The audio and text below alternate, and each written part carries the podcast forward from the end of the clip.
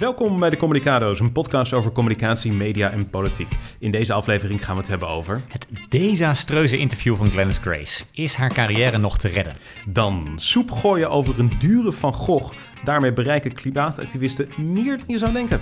En wereldwijd werden scholen aangepast om te werken volgens de growth mindset. Dat blijkt een slecht idee. Vergeet je niet te abonneren en laat een recensie achter als je dit een fijne podcast vindt. Laten we snel beginnen, want ook deze keer hebben we weer een hele leuke show.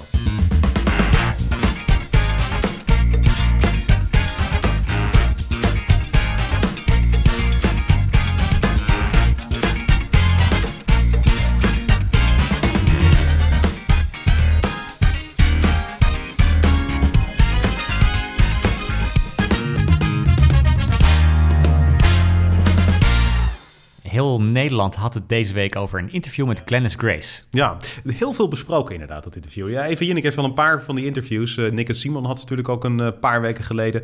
Nu uh, Glennis Grace, groot interview. Iedereen sprak erover. Ik kijk zelden Jinek, ja. maar deze heb ik gekeken. gekeken. Ja. ja, ze probeert haar carrière te redden. Dat is natuurlijk het doel van dit interview. Glennis Grace heb ja, je dan over, hè? Dus, exact. Ja. Glennis Grace, ja, niet Eva Jinek, maar Glennis Grace probeert haar carrière te redden. zangeres Glennis Grace, ken je liedjes van trouwens? Uh, moet ik heel diep nadenken? -hmm. Nee. Nee. nee, ja, ze is ook meer bekend van covers. Ze heeft niet zo heel veel eigen nummers uh, in het verleden uh, uitgebracht. Dus ze heeft wel uitgebracht, maar ze waren niet zulke grote hits. Nee, hoeft geen probleem te zijn, want ze heeft een prachtige stem. Ze heeft een prachtige stem, ja, ja, ja, ja. Karin Bloemen die heeft ook niet zoveel eigen hits. En die zei altijd van, uh, ze is uh, heel goed bevriend met uh, Gerard Joling. En die zei altijd van, Gerard was veel beter in het uitzoeken van hits. Dat is ook een soort van vaardigheid. Hm. Dus dat, ik denk dat Glennis daar ook niet verschrikkelijk goed in is. Maar goed, dat is niet de reden nee, dat, dat we het over haar hebben. Nee, de reden waarom we het over haar hebben is omdat zij uh, nogal in de problemen zit eigenlijk. Uh, met justitie is ze in aanraking gekomen. Afgelopen februari heeft ze een vechtpartij veroorzaakt in een filiaal van de Jumbo in Amsterdam. Ja. En dat is uh, gebeurd omdat haar zoon daar de winkel is uitgezet nadat hij het rookverbod geschonden heeft. Toen is zij met ja, wat ze noemde in de media een zogenaamde knokploeg van in totaal zeven man teruggegaan naar dat filiaal van de Jumbo. En dat is uitgedraaid op een vechtpartij waarbij echt meerdere medewerkers gewond zijn geraakt. Justitie neemt het echt hoog op, hebben ze direct gedaan. Ze hebben haar gearresteerd. Ze heeft drie dagen in de cel doorgebracht. Dat is ja. natuurlijk niet niks.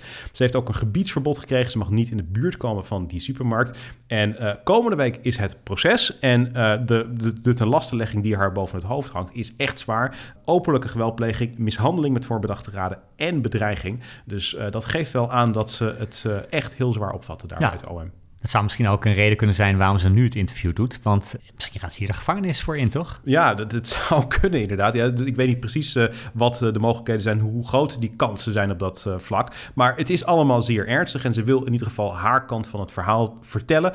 In ieder geval om ook te zorgen dat er wat begrip voor komt. Want de afgelopen maanden, ja, dit is natuurlijk heel veel in het nieuws geweest. Heel veel mensen hebben haar zwaar bekritiseerd. Niet iedereen, nee. maar heel veel mensen hebben haar zwaar bekritiseerd. Ja. En ik, ik zat me wel bij het kijken naar het programma, zat ik me af te vragen van, maar, maar waarom doe je dit nu? Ja. En ik dacht van, als ik me probeer te verplaatsen in haar redenering, dan is het waarschijnlijk, ik moest denken aan die Amerikaanse advocatenseries, waarbij ja. je dan een advocaat hebt die heel veel moeite doet om de jury van tevoren al ja. een beetje de bril aan te reiken, waardoor zij moeten kijken naar ja. alles wat ter zitting gaat gebeuren. En ik vermoed dat de redenering van Glennis Grace en haar team ook is geweest van wat er ook gebeurt, dit wordt een mediaspectakel. Ja. Dus hiervan gaat heel veel in de media komen. Als dit dan toch allemaal in de media komt, dan kunnen we misschien in ja. ieder geval die bril beïnvloeden, waardoor mensen naar al die beelden en, en gebeurtenissen gaan kijken. Ik, dat zou best de, inderdaad de, de reden kunnen zijn. Dat, dat zou ik zeker niet uitsluiten. In de zin van de eerste klap is een daalder waard. Hè. Breng jouw verhaal maar naar buiten. Ik zou dan wel zeggen, ik vind de timing echt namelijk een van de meest beroerde aspecten hiervan. Ik denk van als je dan dat verhaal naar buiten wil brengen, had je het in een veel eerder stadium naar buiten moeten brengen. Dus dan had je het in februari of in maart al naar buiten moeten brengen, denk ik, jouw kant van het verhaal. Hm. Want we hebben al echt maandenlang hier allerlei dingen over gehoord. Dus die beeldvorming is nu al veel minder ja. makkelijk te beïnvloeden. Maar ik denk het tweede, en dat is de reden waarom ik echt... Ik, ik, ik, ik we, hebben, we hebben twee weken geleden gehad over uh, het feit dat ik zei... Linda de Mol moet een interview geven met mm -hmm. een Bille Bloot interview. Ik denk dat Glennis Grace daar ook verstandig aan doet... om op enig moment een interview te geven. Maar de timing is zo verschrikkelijk slecht. En ik begrijp niet hoe ze die keuze hebben kunnen maken. Want uh, zij geeft dus afgelopen week een interview gegeven... maar volgende week is het straf strafproces. Ja. In dat interview heeft zij heel kort door de bocht alles een beetje geminimaliseerd. Ze heeft eigenlijk gezegd: ik ging naar de Jumbo voor een constructief gesprek. Maar dat is vervolgens uitgelopen op een vechtpartij. Dat, dat heeft ze iets ingewikkelder verteld, maar dat is waar het op neerkomt. Ik verdien niet de schoonheidsprijs. Ja, precies. Ja, ja, exact. Dat soort inderdaad dingen om het te minimaliseren. Probleem is, volgende week komt het Openbaar Ministerie met hun kant van het verhaal. En gezien de ten laste legging denk ik dat ze met een drastisch ander verhaal komen. Een radicaal ander verhaal. En dat betekent dus dat je een week later volledig wordt tegengesproken. En dan zijn er natuurlijk heel veel mensen die zich afvragen van ja, uh, moeten we nou Glennis Grace geloven of moeten we nou het Openbaar Ministerie uh, geloven? Maar ik denk dat uiteindelijk de meeste mensen daar echt meegaan met het Openbaar Ministerie. En dan heeft Glennis Grace dus ineens een tweede probleem erbij. Want niet alleen heb je die vechtpartij bij de Jumbo daar veroorzaakt. Ja. Uh, het tweede probleem is dat je daarover tegenover de kijkers van Eva Jinek niet de waarheid hebt verteld. Met andere woorden, je bent letterlijk terug bij af. Je kunt gewoon opnieuw beginnen. Je ja. zou eigenlijk weer een interview moeten geven. Dus dit hadden ze nooit hier op deze fase net voor dat strafproces moeten doen. Vooral omdat, kijk, als je dan toch iemand een klap geeft, ja. dan is zeg maar de supermarkt volgens mij na het pompstation ja. wel de stomste plek waar je dat kan doen. Want er, er zijn overal camera's. Overal. Dus dat betekent, dit moet overal opgenomen zijn. En daarom verbaasde het mij ook dat ze voor ging doen hoe ze die duw heeft gegeven. Dus niet alleen zei ze dat het een duw was. Later in het, gezicht, in het interview werd het over zijn klap. Hè, maar het begon met, het was een duw. En ze deed echt voor hoe ze iemand van de zijkant zo in het gezicht duwde. Die hand nog even een beetje om, omhoog manoeuvreerde. En nee, dat zijn beelden die we niet snel meer vergeten. Nee. Maar ja, als we volgende week toch doorkrijgen dat die duw toch echt heel anders is gegaan. Ja. Ja, dat, dat, wordt he, dat wordt heel pijnlijk. Ik zou Juist die, ook voor haar. Ik zou die deal ook nooit daar hebben voor gedaan, inderdaad. Laat het gewoon in woorden. Ga het niet uitbeelden. Want inderdaad, we hebben dat beeld nu in ons hoofd. We zien precies hoe ze dat daar gedaan heeft. En als die camerabeelden er ook nog bij komen... het is een wonder dat die natuurlijk niet eerder uitgelekt zijn. Dat, ja. dat, dat vind ik echt heel verbazingwekkend. Maar inderdaad, ik denk dat we daar veel meer van zullen zien... wat daar uh, precies uh, van gebeurd is.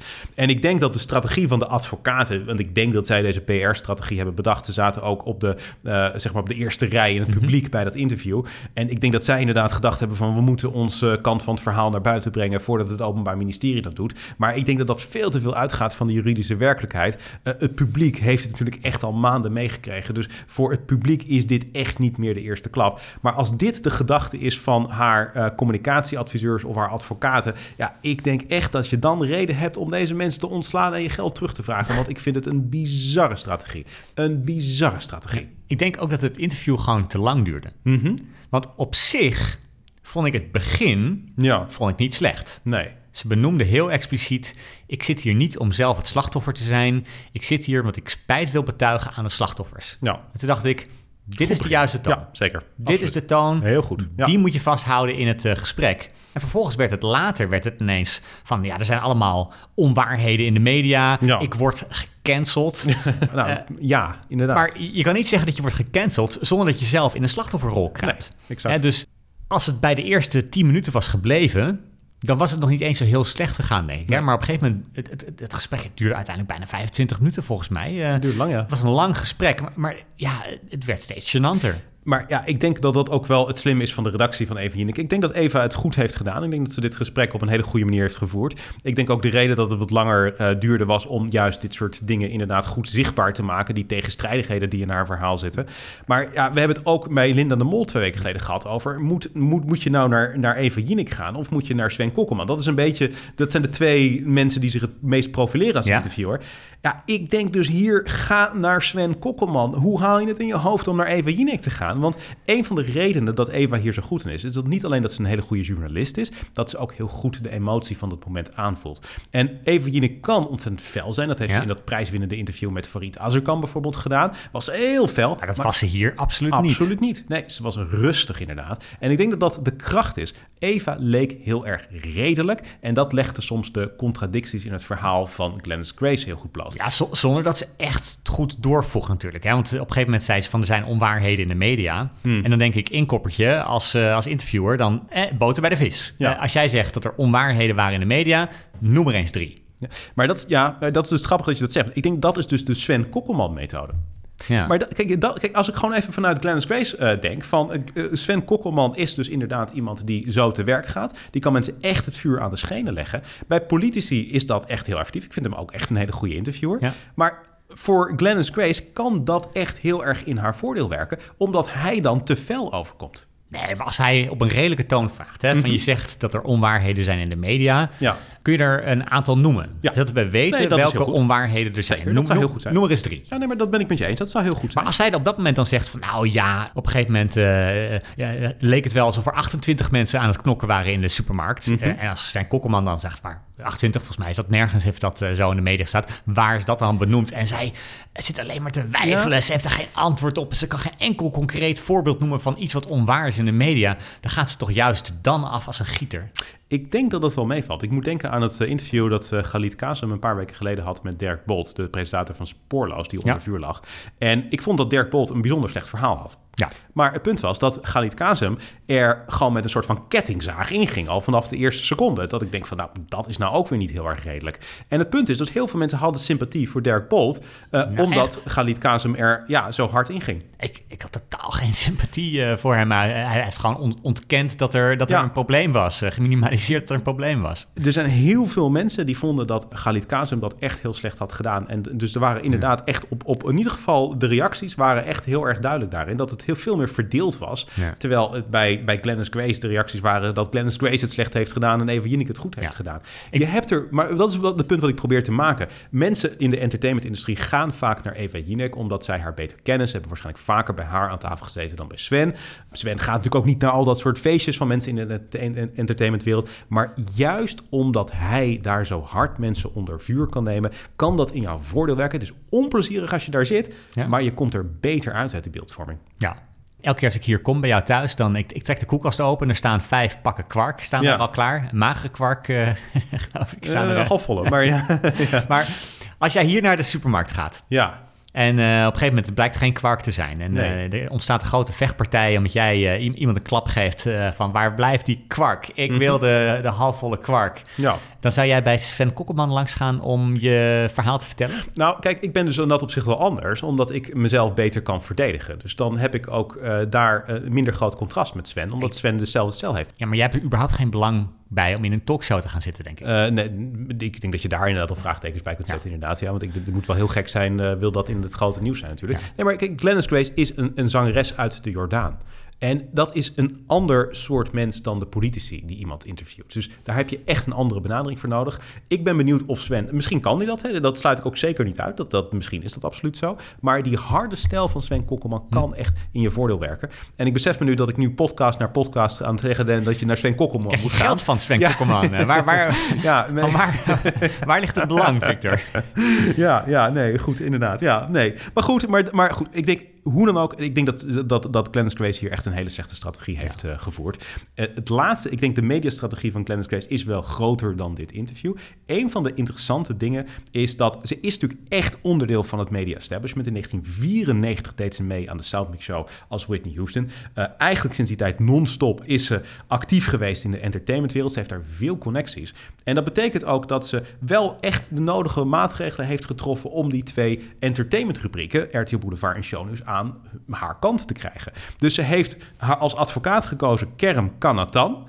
En die heeft een kantoor samen met de huisadvocaat van RTL Boule- Boulevard, Clarice Stenger. Dus Clarice Stenger, die dus ook wel eens commentaar geeft op die zaak van eh Glennis Grace, heeft er een financieel belang bij dat dat op een positieve manier eindigt voor Glennis Grace en Ja. haar advocaat. Maar ik neem aan dat hij niks mag zeggen in het programma over een... eh, Ze heeft zich afgelopen week een beetje terughoudend opgesteld, maar ze heeft er wel degelijk dingen over gezegd, inderdaad. Ja. Hmm. Ja. Eh, bij Shownieuws zit eh, Ronald Molendijk. Dat is iemand die echt bevriend met haar is. Die ook heeft gezegd dat hij haar nog heeft gebeld op de dag van het interview eh, met Eva Jinek. Ja, dat is ook vaak iemand die daar non-stop het geluid, het pro-Glennis Grace eh, geluid laat horen. Ja, ik vind af en toe wel, dit is nou de reden waarom sommige mensen naar Juice-kanalen gaan. Ik denk dat het heel belangrijk is dat deze twee programma's zich beseffen dat die Juice-kanalen echt concurrenten zijn. En dat ze zich daar ook integer in opstellen. Dat ze Ja. misschien nou ja, deze mensen even niet aan het woord laten over dit soort onderwerpen. Want de belangenverstrengeling, financieel en in dit geval dus ook vriendschappelijk, die is gewoon te groot. Als dit politiek zou zijn, zouden we het niet accepteren. Ik denk dat je hier zuivere journalistiek moet bedrijven. hm. Maar even, waarom kan het Glennis Grace zoveel schelen wat twee roddelrubrieken op televisie dan zeggen? Omdat ze een eh, gezamenlijk publiek hebben van iets meer dan een miljoen mensen. En dat eh, zij eh, beeldbepalend zijn in hoe er wordt gesproken over dit onderwerp. Hm. Oké, dus daarom heeft ze die advocaat gekozen. Uh, ja, nee, goed, ik, dat, ik ben, was er niet bij natuurlijk, maar ik vind het wel opmerkelijk dat je inderdaad deze advocaat uh, kiest, die toevallig de kantoorgenoot is van de huisadvocaat van RTL Boulevard, inderdaad. Ja. ja. Ik zou zeggen, als je een gevangenisstraf boven het hoofd hangt, mm dan is de verdediging in de rechtszaal wel belangrijker dan hoe je op een overkomt in een roddelrubriek. Uh, dat denk ik, nou, dat weet ik niet eigenlijk. Ik denk dat beide belangrijk is. Uh, dat, hoezo? Nou ja, eh, stel dat, stel dat je in de, in de Court of Public Opinion, zeg maar, bij, uh, bij mhm. Boulevard, dat je alleen maar positieve items krijgt, maar je gaat wel drie jaar de cel in. Ja. ja dan ben je toch niet tevreden? Maar ik kan niet inschatten of dat nou realistisch is. Dat weet ik oprecht niet. Hè. Ik, denk dat, ik zou niet verwachten dat ze zo lang de cel in gaat voor wat er gebeurd is. Het zal aanzienlijk korter zijn. Maar los daarvan, kijk, ik denk er zijn natuurlijk heel veel goede advocaten in Nederland. Hè? Er zijn heel veel goede advocaten. Er zijn heel veel advocaten überhaupt in Nederland. Waarom kies je uitgerekend deze? Zou dat echt niks te maken hebben met het feit dat je ook de publieke opinie wil beïnvloeden? Het is haar carrière die op het spel staat. En dat kan natuurlijk grote gevolgen. Want ik denk wel dat het echt voor haar heel lastig wordt om hm. terug te komen. Dit interview bij Eva Jinek was, uh, ja, wat we zeiden, een vrij desastreus interview. Ik zie niet heel veel manieren om daar nog bovenop te komen. Behalve dan dat ze echt een time-out neemt van een jaar. Dat ze, net zoals Amerikaanse acteurs wel zeggen van ik ga naar rehab. Uh, dat ze bijvoorbeeld bijvoorbeeld zegt van ik ga een jaar lang naar het buitenland om aan mezelf te werken. Ik verschijn niet in de media. Ik moet gewoon achterhalen waarom ik dit gedaan heb en hoe ik kan voorkomen dat dit nog een keer gebeurt. Hm. En als je dan terugkomt, dan zijn mensen misschien wat meer vergevingsgezind. Maar dat is een hele drastische maatregel. Omdat je dan ook een actie neemt. Ja, dan zeg je niet alleen van uh, ik neem een jaar tussenuit, maar ik, ga ook bij mezelf te raden uh, hoe dit heeft kunnen gebeuren. Ja, precies. Je verbindt er een consequentie aan die ook niet uh, voordelig is voor jou. Het is een grote nadelige consequentie natuurlijk. Dus dan, dan neem je echt verantwoordelijkheid. En dat, dat is natuurlijk moeilijker. Ja, ik denk niet dat ze dat uh, gaat doen. Ze wil het in ieder geval voorkomen. Maar we moeten zien of dat uh, goed gaat eindigen voor haar. Of ik wil de komende drie jaar wil ik eerst zorgen dat mijn zoon goed opgevoed wordt. Want die, ja, die, die heeft toch gelo gelogen ja. onder meer. En die heeft ook meegedaan in die knokpartij. Ja. Dus me, de komende drie jaar richt ik me even op, op, op mijn zoon en familie. En dan weer verder. Maar ja, dat, dat is misschien ook weer ja, ja een seksistische gedachte. Dat, dat, zou dat ook van een vader gezegd hebben?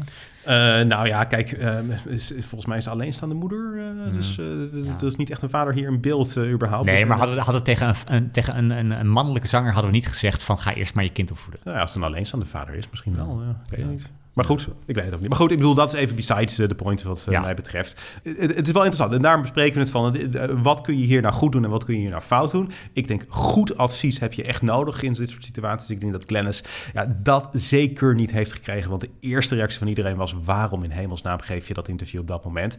En uh, ja, ik heb daar nog steeds geen goede reden voor gezien in ieder geval. Nee. Oké.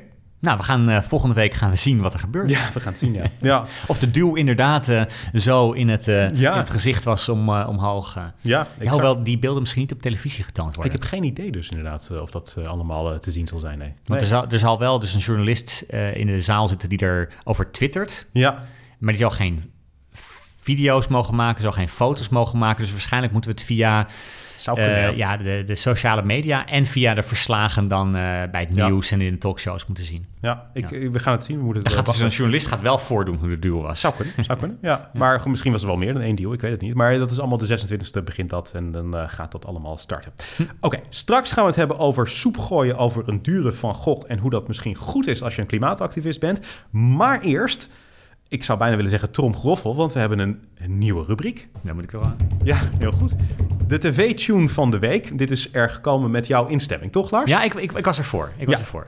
Ja, dat is mooi. Um, sommige mensen weten dat misschien. Ik heb het ook wel eens verteld in de podcast van Alexander Klupping. Ik heb het uh, wereldrecord te pakken van de grootste collectie nieuwstunes. Ik sta in het Guinness Book of World Records. En even met hoeveel tunes? Uh, dat, ja, dat, uh, ik weet het niet precies uit mijn hoofd, maar het is... Slecht van... verhaal dit, Victor. Hoeveel zijn het er? Je kunt het nu horen. 172 dagen Ik denk dat Sven Kokkelman nu echt zou doorvaren. dus je staat in het Guinness Book of Records, maar je weet niet eens met welk getal. Wat, wat voor ja. ben jij?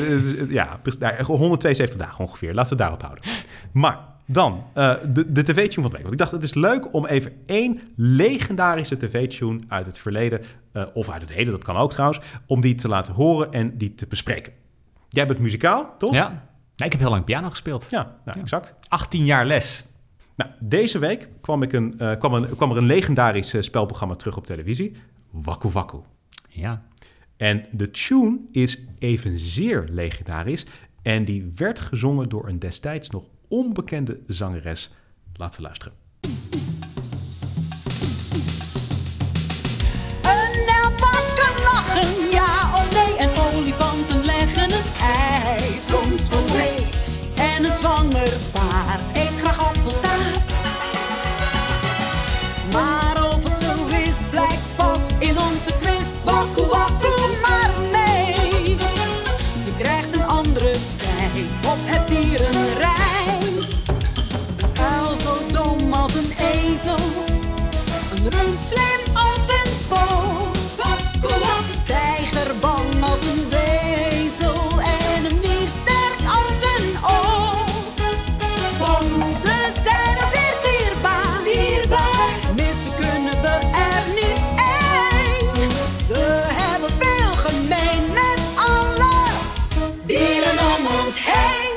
Echt wel heel veel van onze luisteraars gevraagd. Het is een langere tune dan onze eigen tune, eh, Victor. Hij duurt een minuut, ja. ja. Hij is gemaakt in 1988 en toen kon dat nog een wat langere tune. Eh, hij is eh, gecomponeerd door Stephen Emmer, de man die heel veel journaaltunes in het verleden ook heeft geschreven. Hij is twaalf jaar lang te horen geweest op dat programma Waku Waku. Ik denk dat iedereen de tekst mee kan zingen. En hij wordt natuurlijk, zou ik bijna willen zeggen, gezongen door de enige echte Rutja Kot die haar hele ziel en zaligheid erin legt. Ja, je ziet ook, of je hoort ook dat ze eh, lol heeft tijdens het zingen van een tekst. Ja. Enthousiasme, dat, Dat, is wel over. belangrijk, hè? Ja, dat komt echt over. Dat ben ik met je eens, hè? Ja, dat is wel grappig, ja. Wat vind je er verder van? Ik zei dat je hebt een muzikale achtergrond. Zijn er Ja. dingen die jou opvallen? Jij bent niet per se een kenner van het televisielandschap... Nee. of überhaupt populaire cultuur. Nee. Ik heb jou van tevoren even uitgelegd wat Wakku Wakku ook alweer was. Ja. En, nou, ik, ik, ik heb het dus altijd eh, gezien als een kinderprogramma. Maar jij vertelde me net dat Waku Waku vroeger ook gewoon een programma voor volwassenen was. Tuurlijk, absoluut. Ja, zeker weten. Ja. Nou ja, Tegenwoordig is de, de nieuwe versie is een kinderprogramma... maar vroeger was het echt gewoon een soort van primetime spelprogramma. Ja, nou, ik keek het als, eh, als, eh, als, als kind af en toe, denk ik. Eh, de, de vraag is, wat maakt dit eh, deuntje meezingbaar? Hè? Dus dat je het op een gegeven moment ook Ja. leuk vindt om, om, om mee te neurien of mee te zingen. Wat mij opviel direct is dat de noten Uh-huh. op, op cruciale delen vlak bij elkaar zitten. Ja, ja. Dus, dus, dus het, het, het- er zitten ook uitschieters waar je echt Uh-huh. ziet dat Rutja Kot helemaal losgaat. Maar, maar of het zo is, blijkt pas in onze quiz. Ik zal het niet gaan zingen hier. Maar Nee. eh, of een uil zo dom als een ezel. Rund sluw als een vos. Ja, het nee, zit allemaal die- dicht bij elkaar. Die noten zitten heel dicht bij elkaar. En Dus je gaat de toonladder eigenlijk op en neer eigenlijk gewoon. Ja, en dat, dat maakt het makkelijk te zingen. Want Ja. als je een heel octaaf bijvoorbeeld ertussen hebt... en je hebt wel een paar uithalen ook in dit nummer zitten... maar als er een octaaf ertussen zit, dan iedereen gaat vals zingen. Dus dan zing je iets da, da. Ja. Dat, dat, ja, dit, hè? Ja, nee, precies, het. Nee, maar, dat mensen wel gaan risico. vals zingen. Ja, Dus eh, dat, dat maakt het makkelijker om eh, mee te zingen. Er is bijvoorbeeld analyse gedaan ooit, weet ik, over het Europese volkslied. Uh-huh. Alle mensen werden een broeder. ja.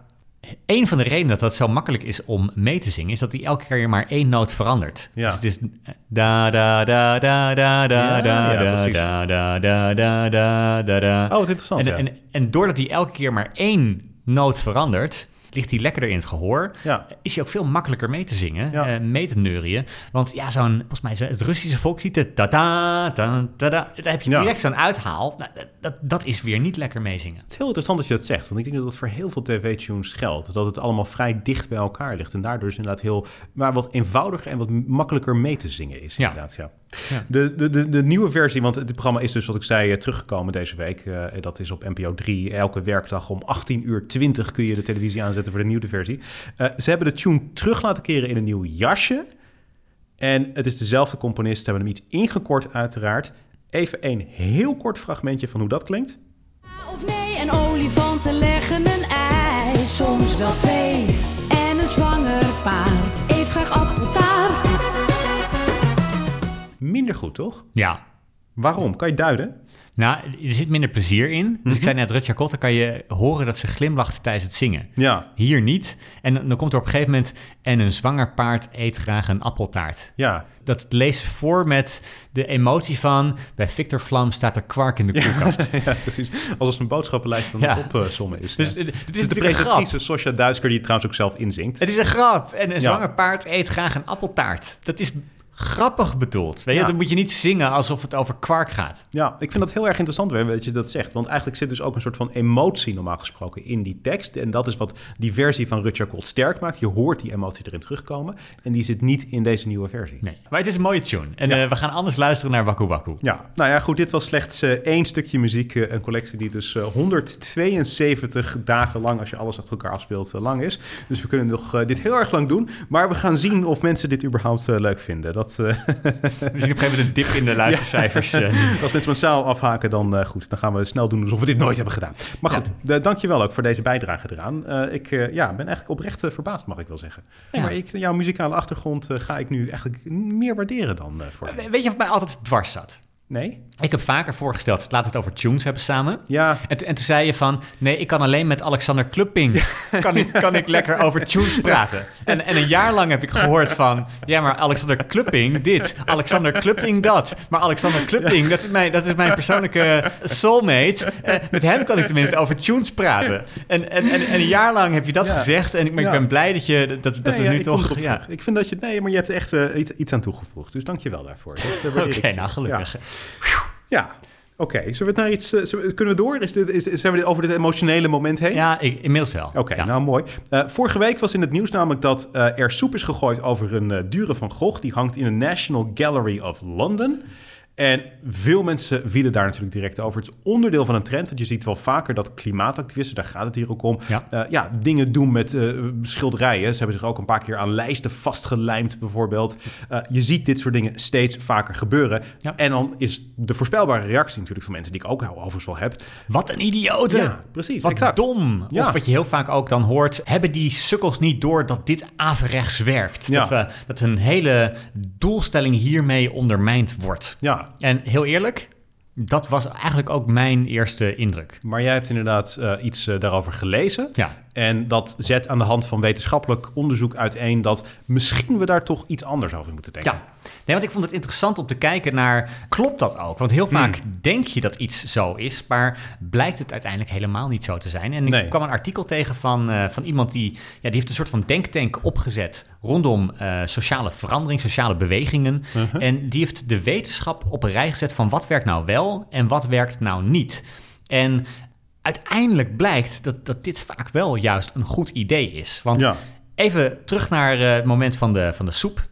Ik krijg trouwens wel honger nu. Het, eh, we hebben, het, is, het, is, het is vrijdagavond Ja, en eh, we hebben niks gegeten. En we gaan, we gaan het eh, tien minuten lang over soep hebben. Maar ze gooiden dus soep tegen dat, tegen dat schilderij aan. Ja. Vervolgens kwam ook een boodschap. Ik heb even gekeken naar het filmpje van het hele fragment. Want het was Mhm. echt duidelijk geregisseerd. Ze hebben goed nagedacht over hoe ze dat willen doen. Het was ook goed geoefend en zo.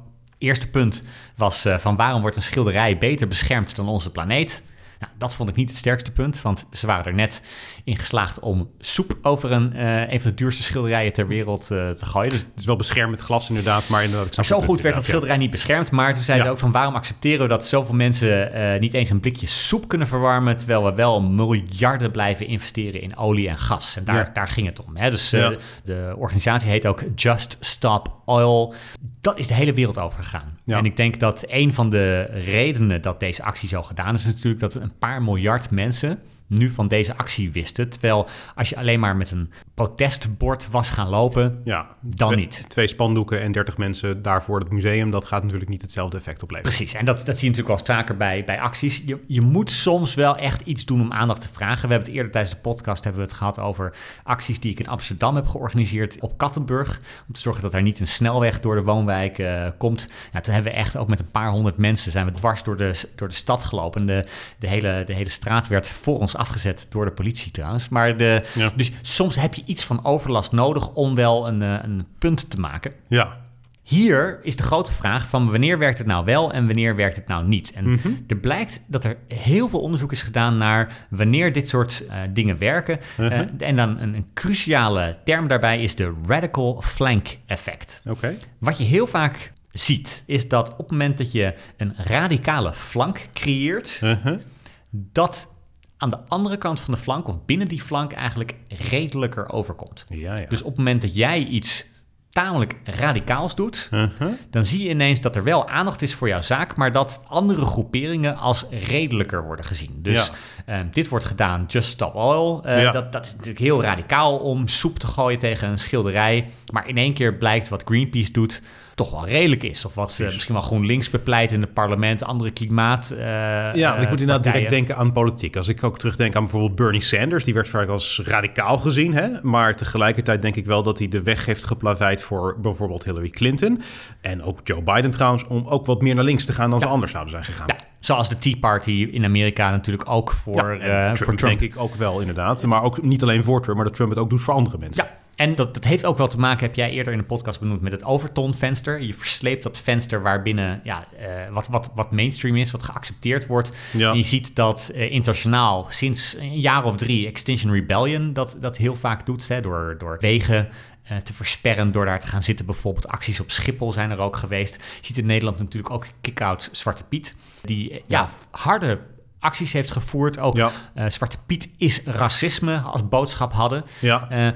En elke keer zie je hetzelfde patroon. Je ziet Ja. dat mensen in eerste instantie echt het belachelijk vinden, er, er, er afstand van nemen. Eh, dan zeggen ze van ja, maar het werkt waarschijnlijk averechts, zelfs Ja. als de boodschap klopt. Ja, het is niet een verstandige actie. En steeds zie je dan toch wel dat het meer geaccepteerd wordt. En inmiddels heel veel mensen zeggen van ja, misschien is die actie van Kick-Out Zwarte Piet toch effectief geweest. Want zelfs bleek deze week in Volendam Ja. wordt nu gestopt met Zwarte Piet. Dus je ziet wel dat daardoor die discussie, het denken over de situatie is opgeschoven. En dat heeft dus alles te maken met die radical flank effect. Ja.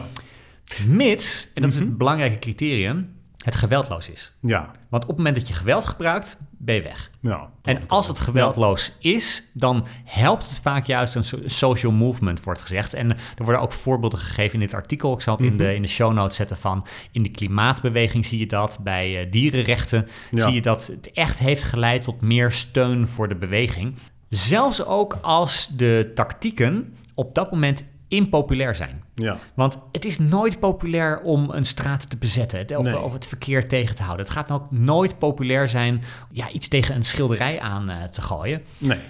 Maar datzelfde geldt voor reclames. Ja, maar De- ik wou zeggen, of een snelweg te blokkeren. Ja. Hè? Of eh, wat Farmers Defence Force ook heeft Wat de gedaan. Boeren bij hebben de gedaan. minister inderdaad eh, voor, voor, voor op de stoep Ja. te verschijnen. Dat zijn ook radicale acties Ja. die misschien de andere boeren wat redelijker hebben gemaakt. Nee, precies. Dus ik denk dat, dat, dat daarmee dus de, er misschien wel meer begrip is gekomen voor de boeren als geheel. Van als de boeren zo wanhopig zijn, die mensen die daar stonden met een tractor, die waren verkeerd. Ja. Maar het laat wel zien hoe die wanhoop gevoeld wordt bij heel veel boeren. Dus ik denk dat daar ook absoluut ditzelfde effect wel gespeeld kan, eh, ja, kan en dus je hebben. lijkt ook redelijker als eh, gematigde boer. Hè? Ja. Dus Caroline van der Plas lijkt redelijker als daar een Farmers Defence Force is die te ver gaat. Ja, precies. En dus is er meer, eh, meer, eh, meer aandacht voor.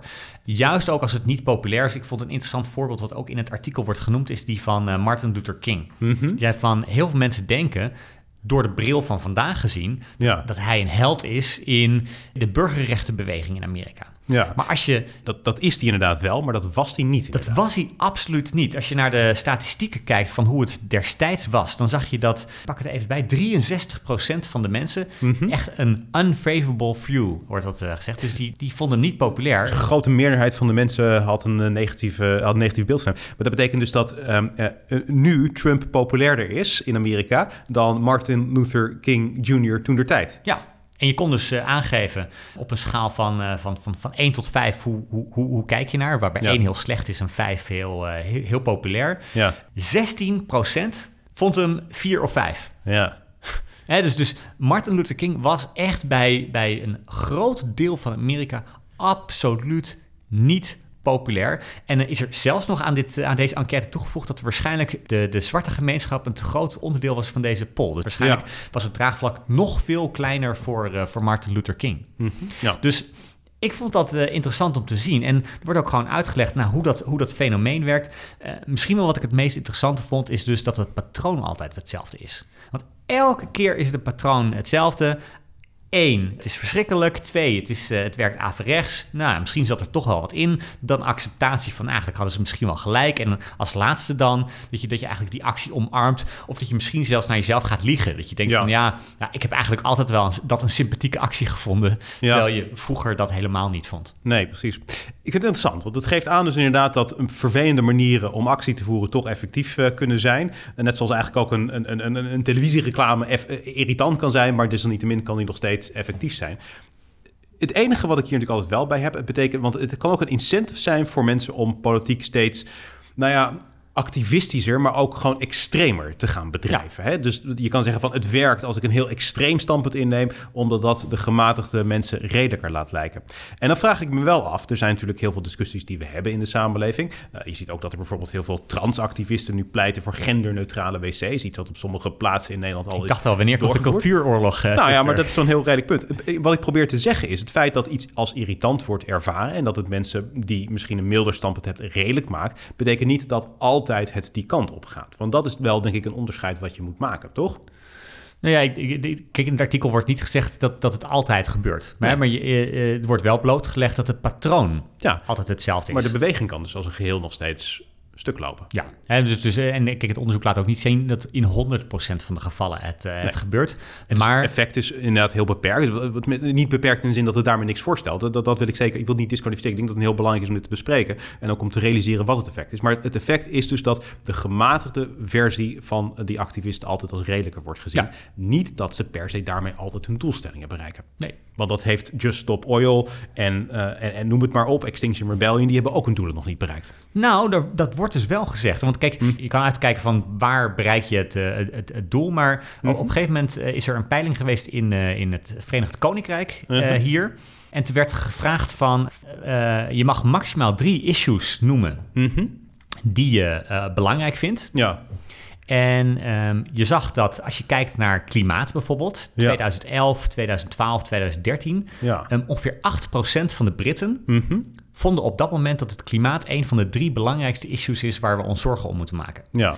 Je ziet op een gegeven moment dat in 2019 is Extinction Rebellion begonnen. Toen was er al iets van een, eh, ja, een stijging geweest naar ongeveer 18%. Ja. Maar inmiddels vindt meer dan 40% van de Britten Ja. vindt het klimaat een van de drie belangrijkste issues waar ze zich zorgen om maken. Ja, lastige vind ik dan wel even om te zeggen wat nou het effect is van Extinction Rebellion en andere dingen. Hè? Want er zijn natuurlijk ook heel veel dingen die op dat vlak Ja, gebeuren. Maar als het van 8% naar 40% gaat, dan Mhm. er is echt wel een, een, een- verandering gaande, ook in de publieke perceptie van hoe belangrijk Zeker, maar klimaat dat, is. dat, dat geloof ik. Maar ik, ik, ik zit even te kijken van wat is nou het effect van specifiek deze dingen. En maar de reden waarom ik het vraag is omdat op een gegeven moment is dit ook eigenlijk onwenselijk. Ik bedoel, ik begrijp dat het werkt en ik begrijp dat je het soms moet doen. En daar kan ik allemaal in meegaan. Maar dit is nou wel iets wat de polarisatie natuurlijk in de samenleving enorm kan voeden. Want als iedereen extremere dingen gaat doen, dan komen mensen wel steeds meer tegenover elkaar te staan. Ja. En daarvan zouden deze activisten zeggen van we hebben liever een, een, een planeet die gered wordt, Mhm. waar er misschien wat meer polarisatie is in het maatschappelijk debat, dan Ja. dat, we als, dat we met z'n allen als die kikker en die pan zonder eh, discussie eh, toekijken hoe onze planeet eh te gronden Ja, wordt het gaat me nu even niet om het punt wat daar inhoudelijk achter zit. Want dat, dat, het maakt niet uit. Maar het gaat erom dat al, als alle partijen die extreme manier van politiek gaan bedrijven... dan is de verdeeldheid groter, de irritatie groter. Ik weet niet of dat goed is als samenleving. Nee, maar dat, ja, de- en daarom ja. is het dus een stijl die je ook wel kunt kiezen daarin. Hè? Want de, de vraag is altijd van wat is effectief? Dat is een terechte vraag. Moet je jezelf zeker stellen. Goed om daar eerlijk over te zijn. Ja. Maar de tweede vraag is ook van wat wil jij zelf daarin voor stijl hanteren? Dat is een persoonlijke keuze waarover je ook kunt verschillen van mening. Ja. ja, absoluut. En dat zie je in de politiek natuurlijk ook, dat op een gegeven moment eh, nodigt dit ook uit om te radicaliseren. Of in ieder geval steeds weer uitspraken te doen die weer tot ophef leiden. Ja. Dat, dat is natuurlijk eigenlijk uiteindelijk dezelfde strategie, de ophefstrategie als Ik wil deze strategie. heel veel van eh, wat, wat, wat, wat Forum voor Democratie doet, zou je natuurlijk ook kunnen verklaren aan de hand van, van, van, van dit wat je net hebt uitgelegd. Hè? Ja. Eh, het is ook inderdaad ophef eh, creëren, met andere woorden, om gematigdere mensen Ja. die conservatief zijn iets redelijker te laten lijken. en ik denk dat het asielbeleid van de VVD nu door meer mensen als redelijk wordt gezien, omdat er partijen zijn aan de Nee, rechterkant maar ik- van de daar VVD. ga ik zo ook niet over in discussie, maar dat geloof ik allemaal wel. Dat, dat, dat is mijn punt verder ook niet. Maar ik bedoel alleen maar te zeggen van, dat is dus wel iets wat voor onze samenleving niet per se fijn is. Nee, ik denk dat elke strategie nadelen heeft. Nee, Ja. maar niet elke strategie, deze in het bijzonder heeft heel veel nadelen.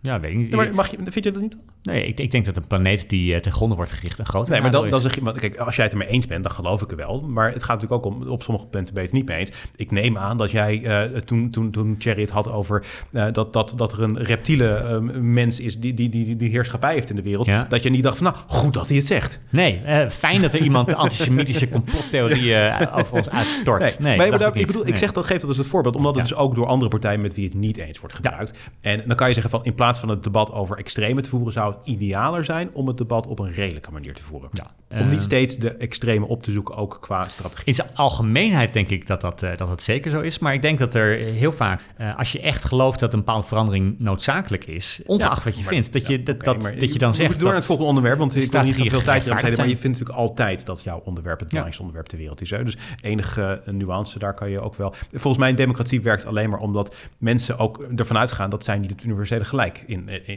in, in, pacht hebben. Ja. Goed. Goed, veel emotie in deze podcast vandaag. Ik eh, weet niet waar dat eh, vandaan komt. De maar, soep. eh, We hebben honger. Ja, we hebben, dat is misschien wel serieus wel waar. We hebben wel honger inderdaad, ja. Eh, maar je zou ook kunnen zeggen, we hebben honger na nog één blokje. Ik had een aantal jaar geleden dat ik enorm geloofde in de growth mindset. En even voor, voor mensen die die eh, niet kennen, wat, Ja. wat is de growth mindset? Ik kan me voorstellen dat best wel veel mensen zijn, maar dat was een, een paar jaar geleden. Ik denk een jaar of tien of zo geleden was het een heel populair idee. Echt een hele grote hype was dat. Het idee is als je gelooft dat eh, kwaliteiten zoals intelligentie en persoonlijkheid niet vaststaan, maar dat je daarmee, eh, door dat te geloven, dat je je verder kunt ontwikkelen door te leren en ervaring op te doen. Ja. Dus daar tegenover staat een fixed mindset. En dat is eigenlijk zoiets van: oké, dit is wie ik ben. Ik kan niet veranderen. Het is hoe het is. Ja. Victor, jij zal nooit een slimme jongen worden. Dat zou precies. Fixed mindset. Ja, en dan in de growth mindset is van ik ben nog niet slim. Dat zou het verschil zijn. Dus zo werd het ook heel erg extreem doorgevoerd. Want ja, nadat dat geïntroduceerd werd en mensen daarin gingen geloven, zag je dat het heel erg werd gehyped. En heel veel mensen zeiden ook het onderwijssysteem moet daarvan doordrenkt worden. Je moet kinderen ook vooral vertellen dat ze in iets nog niet goed zijn in plaats van dat ze ergens niet goed in zijn. Eh, want dat zorgt ervoor dat ze die mindset hanteren, Ja. dat ze er altijd beter in kunnen worden. Ja. Terwijl als iemand totaal geen talent voor iets heeft, Nee. Helpt het soms ook misschien om dat gewoon te Nee, ja, precies. Nou, ja, dat is interessant. Ik las er een artikel over. Er zijn natuurlijk een paar dingen wel op aan te merken. Van, is, is- dit echt zo'n grote... eh, zijn er echt mensen die, die, die, die een van die twee echt geloven? Hè? Want ik geloof op sommige vlakken in de growth mindset... en andere geloof ik in een fixed mindset. Intelligentie bijvoorbeeld, dat haalde je net even aan. Eh, dat is dus typisch een van die dingen... die binnen een bandbreedte misschien iets eh, vooruit te krijgen is. Maar ja, als jij een, een, een IQ van 80 hebt... dan ga je niet naar een IQ van 120. Dat is gewoon niet realistisch. Dus je moet over sommige dingen ook eerlijk zijn natuurlijk. Maar de reden waarom ik het aanhaal is omdat deze growth mindset eigenlijk niet meer populair is. Je hoort er niet zoveel meer over.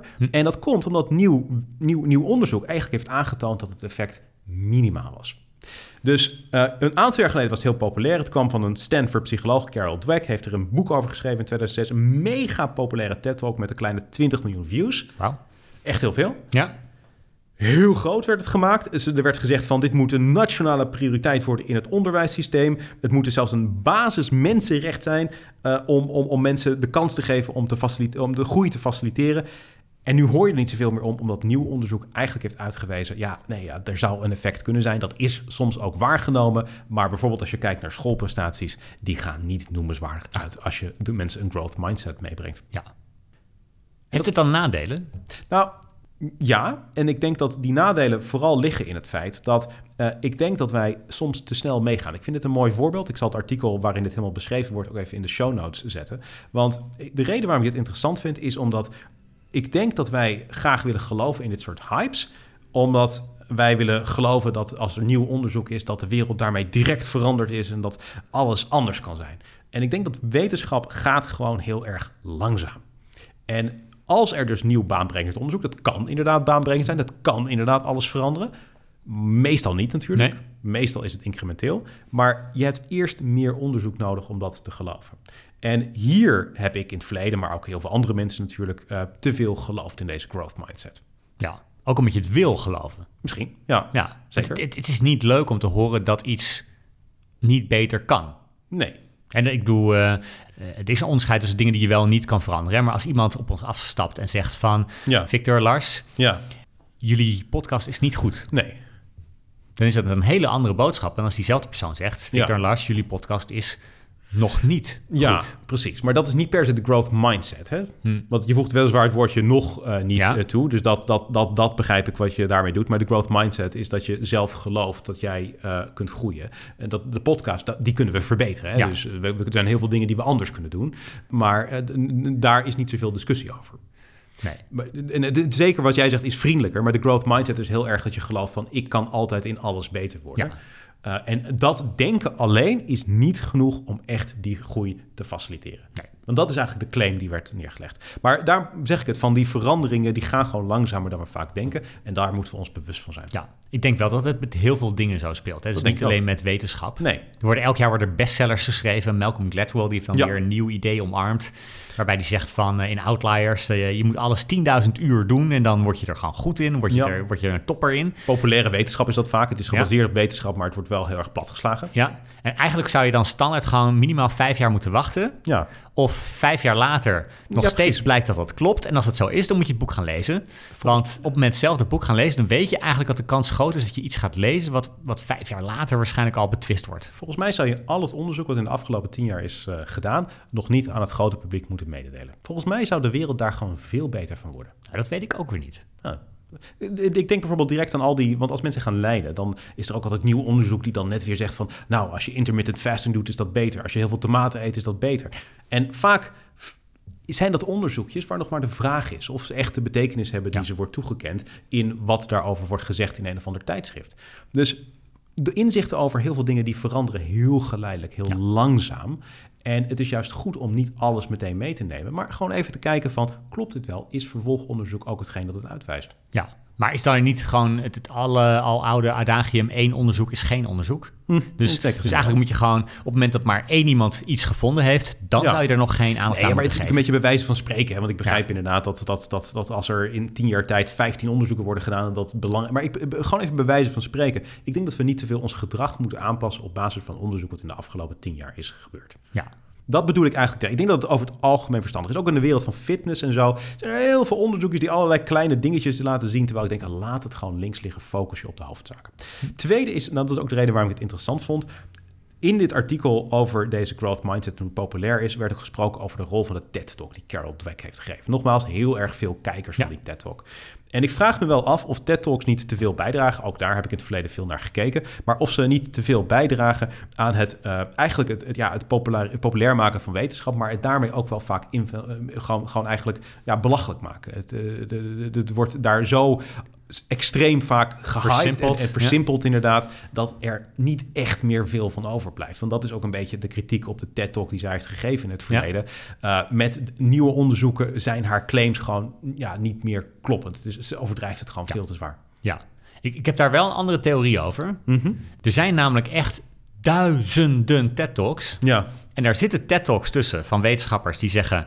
met drie slagen om de arm, Mhm. misschien is het mogelijk dat Ja. dit zo is... binnen deze omgeving, met die beperkingen... Ja. en op deze manier met die, met die nuances... Maar daar kijkt niemand naar. Daar kijkt niemand Nee, naar. precies. En er is er één wetenschapper die Ja. dan zegt van...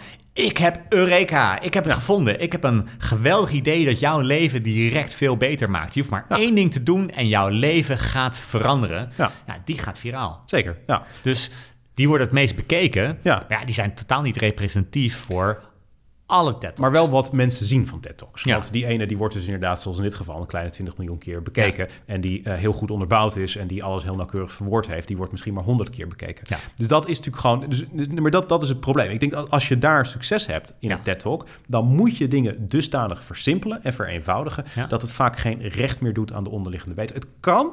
En in misschien in sommige situaties is dat gebeurd. Maar vaak wordt het veel te plat geslagen. En ik denk dat eigenlijk de wetenschap daar vaak ook onder leidt. Omdat ik denk dat nu mensen denken, ja, die growth mindset, dat was een keer de wetenschap. Terwijl dat helemaal niet het geval is. Er is Nee. één onderzoek gedaan waaruit bleek dat het wel eh, effectief was. Toen is er vervolgonderzoek gedaan waarin dat genuanceerd werd. Dus het proces werkte. Op zich werkt dat. Ja. Maar ik denk niet dat dat de takeaway is die de meeste mensen eraan hebben. Nee, nee.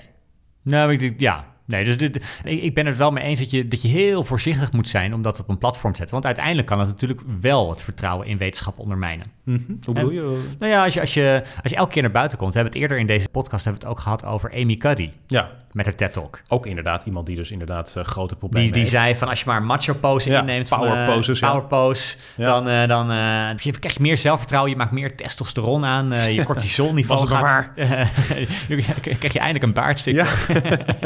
Kan wel meer testosteron gebruiken. Dan, eh, dan gaat je mensen. cortisol eh, gaat, eh, gaat, gaat naar beneden. Ja, Ehm, dat bleek dus allemaal ja, totaal Ja, niet te kloppen. Nee. Onzin. En dat is wel een van de best bekeken TED-talks Ja, ooit. Maar daar zie je hetzelfde, hetzelfde fenomeen wel. Hè? Van, Ja. ja. daar, daar probeer je eigenlijk iets zo simpel te maken en zo groot te maken dat het niet meer recht doet aan de werkelijkheid. wetenschap is gewoon ingewikkeld. En daar moeten we denk ik mee leren leven. Het heeft niet altijd kant-en-klare oplossingen. Het kent grote onzekerheden. En de, Ja. deta- de- de- details en nuances zijn eh, complex. Ja, Ja. Ik zie daar overigens op sociale Mhm. media nog iets veel problematischer. Want kijk, vroeger werden wetenschappelijke artikelen Mhm. werden gelezen door wetenschappers. ja. En ik denk, ik, ik zie het met name sinds de coronapandemie gebeuren, Mhm. dat ineens op sociale media ook allemaal onderzoeken ineens gedeeld worden. En vaak Ja. zijn dat niet eens gepubliceerde onderzoeken, Nee. maar preprints. Dus onderzoeken die nog niet eens door collega's beoordeeld zijn, goedgekeurd zijn, Ja. die gewoon maar op het, op het wereldwijde web worden geslingerd en ze gaan rond. En Ja.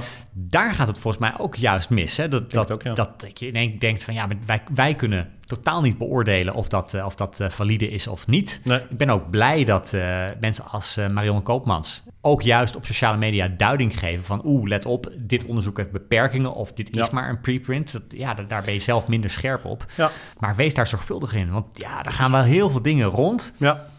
onder het mom van het is wetenschap. Ja, maar dat, dat maakt het niet noodzakelijkerwijs betrouwbaar. Nee, dat denk ik ook niet. Nee, nee.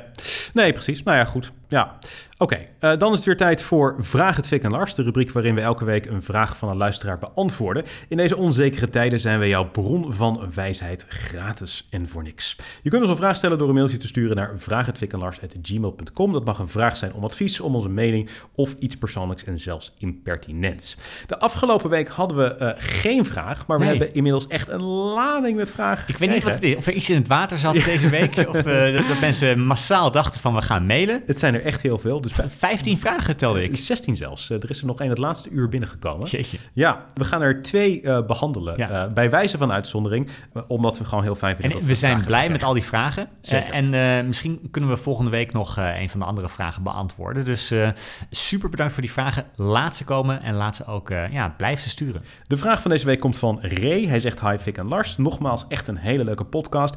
Altijd teleurgesteld als jullie er een week niet zijn, maar rust is jullie natuurlijk ook gegund. Graag zou ik willen onderstrepen dat jullie nieuwe tune echt kwaliteit is. Goede verbetering. Jullie verwoorden naar mijn idee perfect vaak de twee stromingen in de samenleving plus verdieping. Mijn vraag aan jullie, wie van jullie twee zou je het meest omschrijven als ratio en wie als gevoel? Hartelijk goed van jullie trouwe luisteraar Ray. Ja. Wie is ratio en wie is emotie? Heb jij gevoel? Zie jij jezelf als iemand die meer emotie heeft? Nee, dat is een grapje. Ik denk uiteindelijk, Daniel Kahneman die zegt natuurlijk dat eh, iedereen op basis van gevoelens handelt. Ja. En soms post-rationaliseren we het wel, eh, wel eens. Dus dan vertellen we onszelf dat we heel rationeel zijn. Maar ik denk, ja, hij legt al heel goed uit. Niemand is uiteindelijk rationeel. Nee, we zijn allemaal inderdaad heel erg voor eh, emotie. Dat ben ik ermee eens. Ik weet niet of dit het antwoord is wat Ray wilde horen. Ik denk het niet. Ik denk Nee. dat hij wel graag een onderscheid eh, wilde hebben. Of dat hij in ieder geval een beetje een competitie wilde. Zal ik gewoon even, zal, zal ik er eens even een antwoord op geven? Nou, kom maar door. Ik denk dat iedereen zit op een soort... Autisme is een spectrum, zeg maar. Hè? En ik denk niet dat wij autistisch zijn. Laat ik dat eh, voorop stellen. Waar, waar gaat dit naartoe, Victor? Maar nee, maar ik denk dat wij wel meer aan de kant van autisten zitten dan zeg maar heel veel andere mensen. Eh, en jij nog iets verder richting die kant dan ik. Oh, dus ik nou- denk nou dat ik komt meer nou emotie komt heb. ja, ja. Ik denk dat jij, iets, dat, dat jij iets meer ratio bent en iets minder emotie. En ik ben iets meer emotie. ik denk het niet. Dat denk ik wel. Nee, ik geniet ervan om met anderen samen te zijn. En, Maar dat is eh, niet emotie, hè? Nee, maar dat is... dat- ik kan er ook van genieten om met andere mensen samen te Ja, maar zijn. je zit elke avond hier in je eentje Ja, zit je televisie te kijken. ik heb een heel sociaal beroep. Ik zie een lopende band mensen. Ik heb geen zin om met een gegeven moment Ja, mensen te zien. Maar je bent blij als je dan weer in je eentje thuis zit. Dat is wel waar. Maar, dat, maar dan ben ik introvert. Hè? Dat is niet iets. Dat is niet dat ik geen emotie heb. Ja, ja. Ja, ja nee, ik, ik, denk, ik denk dat we beide dat, dat combineren. Ik denk niet dat er een heel groot verschil is. Ik denk ook niet dat je, misschien hint uh, reden op, dat je per standpunt bijvoorbeeld kan zeggen van het een is meer rationeel dan het ander. Hè? Dus ik vind, ik vind dat altijd lastig te zeggen. Maar je wordt gevormd door je waarden, je opvattingen, door wat je mee hebt gemaakt. En ik denk dat we daar beide die, die ratio en de emotie combineren.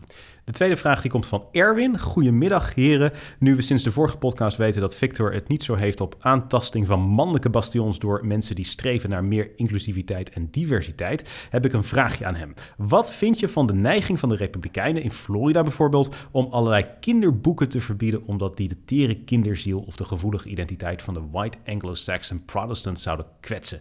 Goed, Erwin. En ook Ja, die komt wel binnen.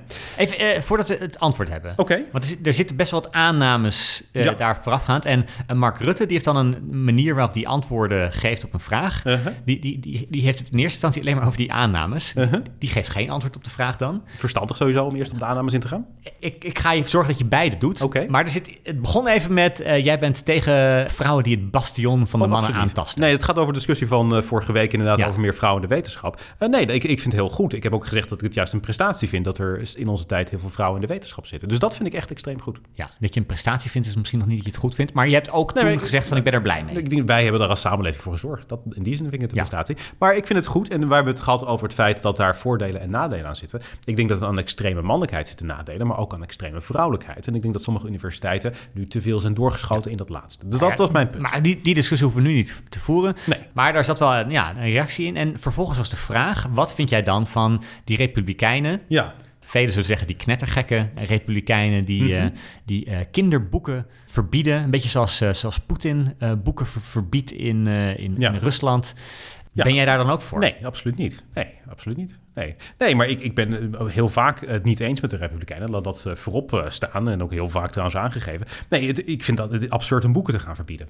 Ik, echt werkelijk absurd. Ik, er, is, er, is, geen enkel boek waarvan ik denk dat moeten we verbieden om mensen te beschermen. Of ook uh, dat je kinderen het niet uh, wil laten lezen of al dat soort dingen. Nee, ik, denk, ik geloof in de vrijheid van meningsuiting. Ik geloof in het tot je nemen van zoveel mogelijk verschillende meningen. Dus laat ze zeker ook die boeken lezen.